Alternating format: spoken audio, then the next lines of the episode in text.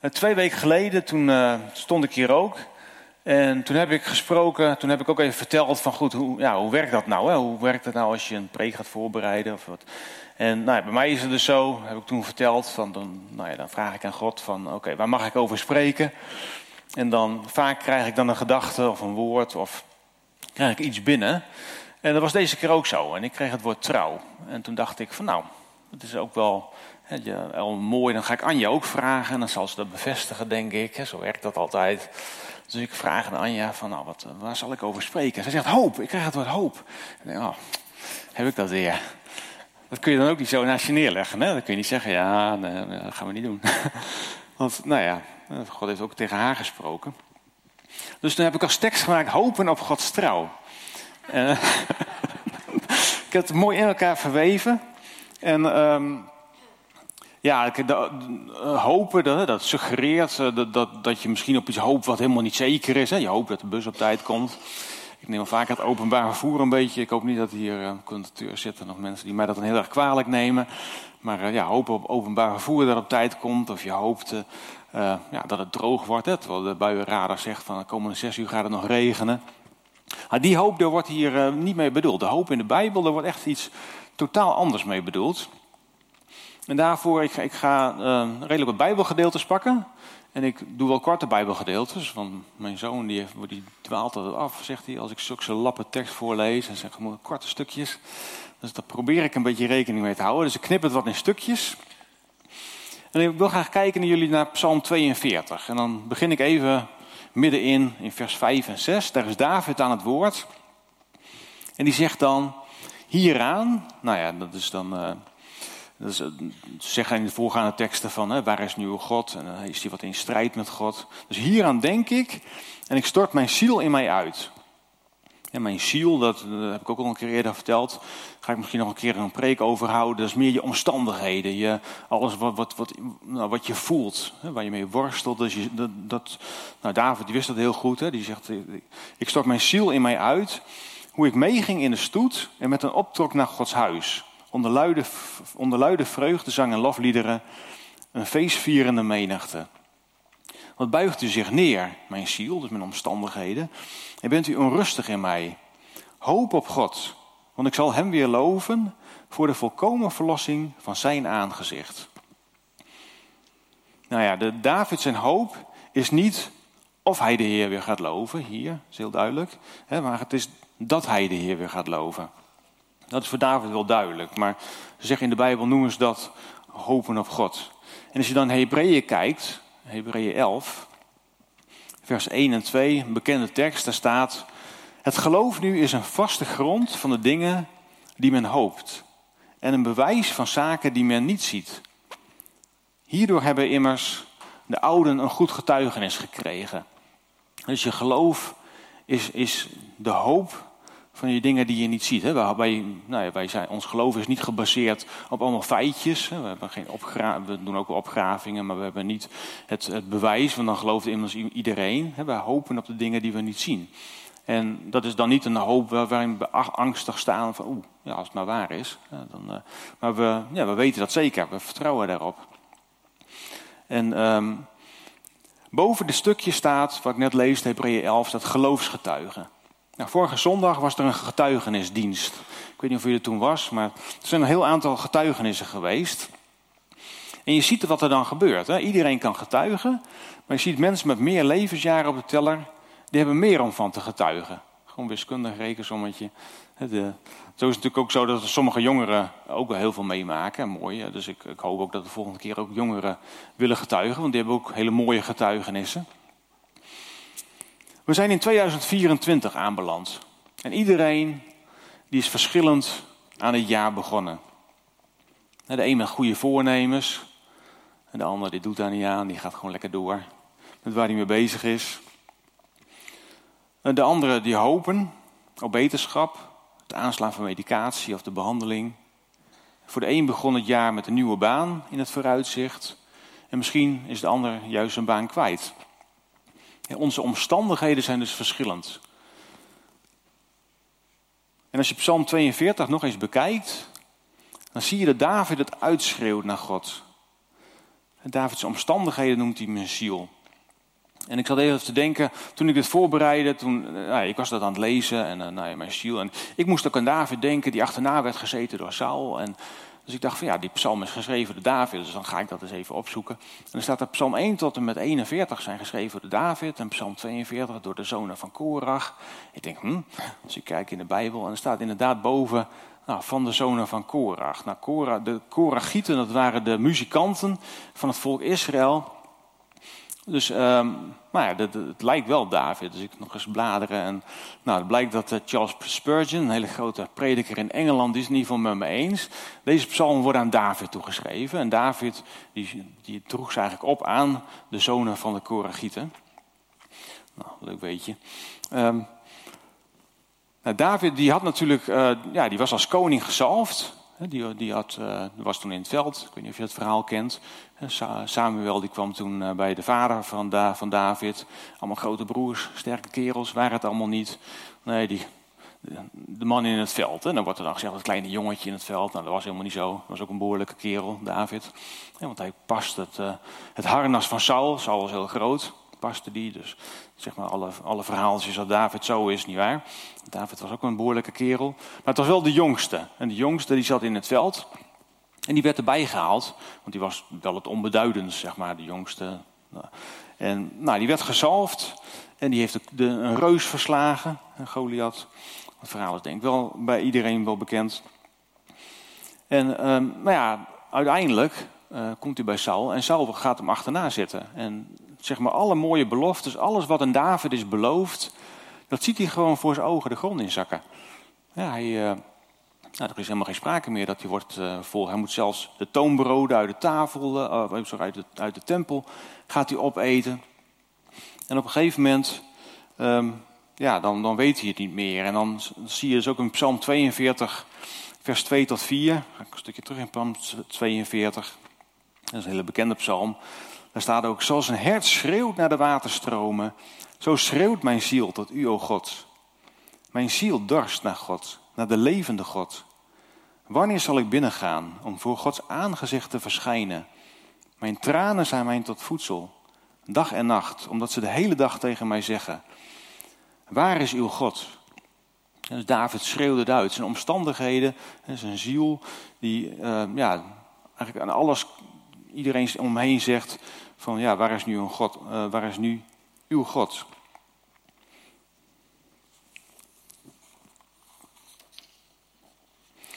En dan zie je David, die spreekt eigenlijk zichzelf toe. Als je dan in Psalm 42, vers 12 kijkt, dan zegt eigenlijk David tegen zichzelf: Wat buigt u zich neer, mijn ziel?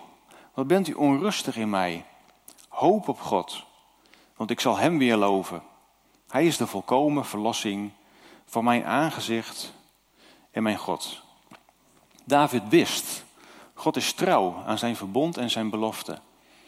Psalm 43, ik heb het vorige keer ook even gedaan, Psalm 43, die hoort bij Psalm 42. We hebben dat in onze Bijbel losgekoppeld. Maar in de oude handschriften, sommige oude handschriften zitten die aan elkaar. En nou ja, als je de structuur gaat bekijken van beide psalmen, degene die dat leuk vindt, ik kan het mooi indelen in allemaal structuurtjes. En dan zie, je, dan zie je dat het recht en het trouw, dat repeteert daarin. En Psalm 43, die eindigt ook precies zoals Psalm 42. Psalm 43, vers 5. Wat buigt u zich neer, mijn ziel? En wat bent u onrustig in mij? Hoop op God, want ik zal hem weer loven. Hij is de volkomen verlossing van mijn aangezicht en mijn, en mijn God. Dus ja, Psalm 42 en 43, die horen bij elkaar. Maar goed, we hebben er twee psalmen van gemaakt, is niet erg. Ja, hoe is dat eigenlijk in ons leven? Het hopen op God, hopen op trouw. Mijn vorige preek heette Wachten en Verwachten. Ik weet niet of jullie het gemerkt hebben, de liedjes die we gezongen hebben gingen ook over wachten, verwachten, Gods verbondsbelofte. We hebben gebeden voor generaties, voor trouw in de generaties. En die liederen die zijn allemaal gebaseerd op verwachting. En dan geen verwachting in de zin van, nou ja, maar zien wat er gaat komen. Maar gebaseerd op Gods uh, goedheid. En die verwachting die komt niet zomaar aanwaaien. Daar moet je God voor kennen. En hoe leren we God kennen? Nou, dat is een open deur. En dan leg je je Bijbel op tafel en dan zeg je, ja, natuurlijk, zo leren we God kennen.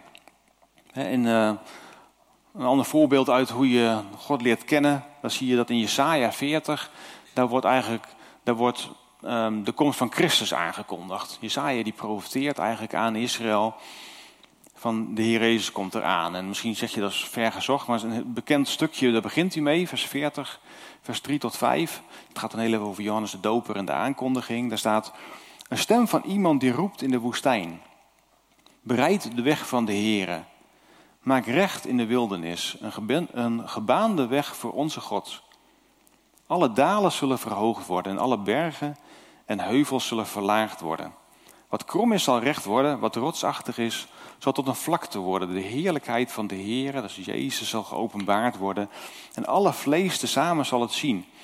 Want de mond van de Heer heeft gesproken. Israël had deze teksten had hij in de Bijbel staan. Als ze de teksten, als ze de kenden en wisten wat de, ja, waar ze hun verwachting op konden bouwen, dan hadden ze het allemaal kunnen doen. Maar Israël in de tijd van, van Jezus, die werd onderdrukt door de Romeinen. Die hoopte op de verlossing. Um, en uh, Jezaja voorspelde al dat men helemaal geen uitkomst meer zag. Israël die dacht dat God hen had, die had, dat God hen had vergeten. Maar de verlossing was al lang voorzegd.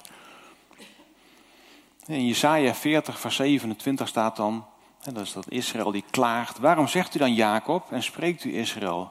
Mijn weg is voor de Heer verborgen en mijn recht gaat aan mijn God voorbij. Met andere woorden, ja, God heeft ons vergeten. Weet u het niet? Hebt u het niet gehoord? De eeuwige God, de Heer, de schepper van de einde van de aarde, wordt niet moe en niet afgemat. Er is geen doorgronding van zijn inzicht. Hij geeft de vermoeide kracht en hij vermeerdert de sterkte van wie geen, van wie geen krachten heeft. Jongeren zullen moe en afgemat worden. Jonge mannen zullen struikelen, maar wie de Heere verwachten, zullen hun kracht vernieuwen. Zij zullen hun vleugels uitslaan als arenden. Ze zullen snel lopen en niet afgemat worden. Ze zullen lopen en niet moe worden. Dus de echte wijsheid, de wijsheid van hoe je God kan vertrouwen, staat in de Bijbel. En ja, wij worden ook moe. Wij, onze omstandigheden die zijn niet altijd geweldig. Onze ziel heeft van alles te verduren. En misschien mensen om je heen spotten wel. Waar is nu je God? Maar wij weten dat we God weer zullen loven. En niet omdat wij onze omstandigheden altijd kunnen ombouwen, ombuigen, maar omdat wij het van God verwachten. En dan zijn wij moe en afgemat, maar putten uit God nieuwe kracht. Nou, hoe doe je dat? Door het lezen in zijn liefdesbrief. De, ik heb er nu een aantal teksten aangehaald. Als je de Bijbel openslaat, nou ja, Psalm 57, vers 10 en 11, staat: Ik zal u loven onder de volken, Heer. Ik zal voor u psalm zingen onder de natieën. Want uw goede tierenheid is, is groot tot aan de hemel, uw trouw tot aan de wolken. En Gods trouw is niet iets waar je nou, zwaar naar op zoek hoeft in de Bijbel. Je doet de Bijbel open en je ziet Gods trouw. Al in Genesis sluit God zijn verbond met, met Israël. door de hele Bijbel heen, je ziet elke keer weer de verlossing, de, de richters, waarbij nou, het, God, het volk afdwaalde, het volk afviel. En toch uh, God elke keer weer verlossing gaf. Gods trouw, daar hoef je nooit aan te twijfelen. Gods trouw is eeuwig. Vestig je hoop op de Heer. En hij zal trouw zijn aan zijn belofte. 2024 staat voor de deur. Of is er al. En brengt mooie, het jaar staat nog voor de deur, maar ook minder mooie dingen. Misschien zelfs wel omstandigheden waarin je vrienden, misschien je man of je vrouw, Misschien zelfs jezelf wel eens tegen jezelf zegt: Ja, waar is God? En 2023 en daarvoor, de jaren daarvoor, hebben misschien ook wel omstandigheden gebracht waarin je het vertrouwen bent kwijtgeraakt. Misschien heb je op mensen vertrouwd. Op de kerk als instituut, op de gemeente, op de gemeenteleden. En is je ziel gekwetst geraakt en vervreemd. Mensen stellen soms teleur. Zelfs broers en zussen uit de gemeente. Maar God is ook hun God. In 2024 is het jaar waarin we dat voor Gods troon gaan brengen. Onze ziel is misschien beschadigd, maar er is heling. Wij mogen het van God verwachten. En Hij is trouw. Hij is altijd dezelfde. En de genade die voor jou geldt, die geldt ook gelukkig voor de ander. We zijn begonnen met David en ik wil ook graag met David eindigen. Ik vertelde al dat David die werd op een gegeven moment achterna gezeten door Saul. En in 1 Samuel 24 staat daar een heel mooi verhaal van. Er staat dat David, die, uh, nou, die, die, was druk op de, op, op de vlucht. En, en Saul die was eigenlijk met Israël achter de Filistijnen aan. En die had op een gegeven moment zoiets van, oh, ik ga weer, ik ga achter uh, David aan. Want David staat mij naar mijn leven, dat dacht hij. Hij dacht dat David uh, hem wilde doden om koning te worden. En hij nam, ik geloof, 300, echt, of 3000, in mijn hoofd. Ehm, nou, in ieder geval uh, echt de sterkste mannen van het land nam hij mee om David achterna te gaan. En toen hij David bijna had ingehaald, maar nog niet kon vinden, toen moest hij op een gegeven moment naar de wc. En nou ja, wat doe je dan? Ja, ze hadden daar geen dicties aan de kant van de weg, maar er was een grot. Dus David, of Saul bedoel ik, die loopt die, eh, die, loopt die grot in. En die gaat, die gaat er naar de wc. En de, de, de, letterlijke vertaling staat, hij bedekte zijn voeten. Dus hij ging, zeg maar, even zitten. En laat nou in die grot David zitten met zijn mannen. En die zaten daar muisstil. Dus je ziet, zeg maar, je zit in het donker en je ziet in het licht zie je Saul binnenkomen. En die gaat vlakbij je. En Saul kijkt natuurlijk de donker, donkere gat in, dus die ziet niks. Die had geen lampje bij zich. Dus, dus die gaat daar zitten. En die mannen stoten David aan en die zeggen, hij is voor jou. Die uh, koningschap ligt hier voor je voeten. Het enige wat je hoeft te doen, zwaard pakken, eind aan maken. En David zegt, nee, dat gaan we niet doen. Want Saul is de gezalfde van de Heer. Daar ga ik, die ga ik mijn handen niet aan slaan. Dus die sluipt erheen en wat doet hij? Hij snijdt een klein stukje van zijn jas af. Nou, dan denken wij natuurlijk, ja, dat, is, eh, dat, is, David, hè? Sterke kerel, niet bang. Die, die, doet dat, die doet dat eventjes. En dan staat daar in Samuel, uh, 1 Samuel 24, vers 6 toen hij dat deed. En het gebeurde daarna dat het hart van David in hem bonste. Omdat hij die punt van de mantel van Saul had afgesneden. Het was niet zo dat hij dat even stoer deed. Hij, hij, hij sloop waarschijnlijk heen en hij dacht echt, oh, Saul die, Saul die moet mijn hartslag wel horen. Dus zijn hartslag die zat hier. En dat was hartstikke bang en hij sneed die mantel af. En dan zie je Saul, die loopt dan, de, die, loopt dan die grot uit. Een schitterend verhaal om eens te lezen. En dan, dan rent David hem achterna. En dan kijkt hij en zegt hij, Saul. En Saul draait zich om en zijn mannen zijn bij hem. En die denken, ah, daar is hij. En dan, nou, dan, vertelt, eh, dan vertelt David van, ik wil je helemaal niet doden. Ik had je kunnen doden. Kijk, hier is de slip van je mantel. Dan kun je zien dat ik het, eh, dat ik het goed met jou voor heb. Want ik wil, jou, ik wil niet jouw rechter zijn. Dat staat in 1 Samuel 24, vers 16.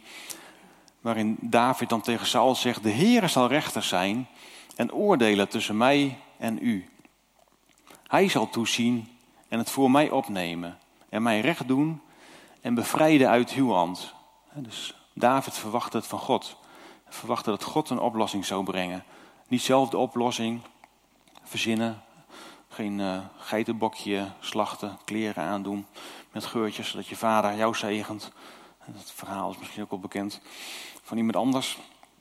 Maar hier zegt David, ik vertrouw op God, dat hij hier verlossing gaat brengen. Ik weet niet hoe, ik had het zelf kunnen oplossen met een simpele zwaardsteek, maar ik ga het niet doen.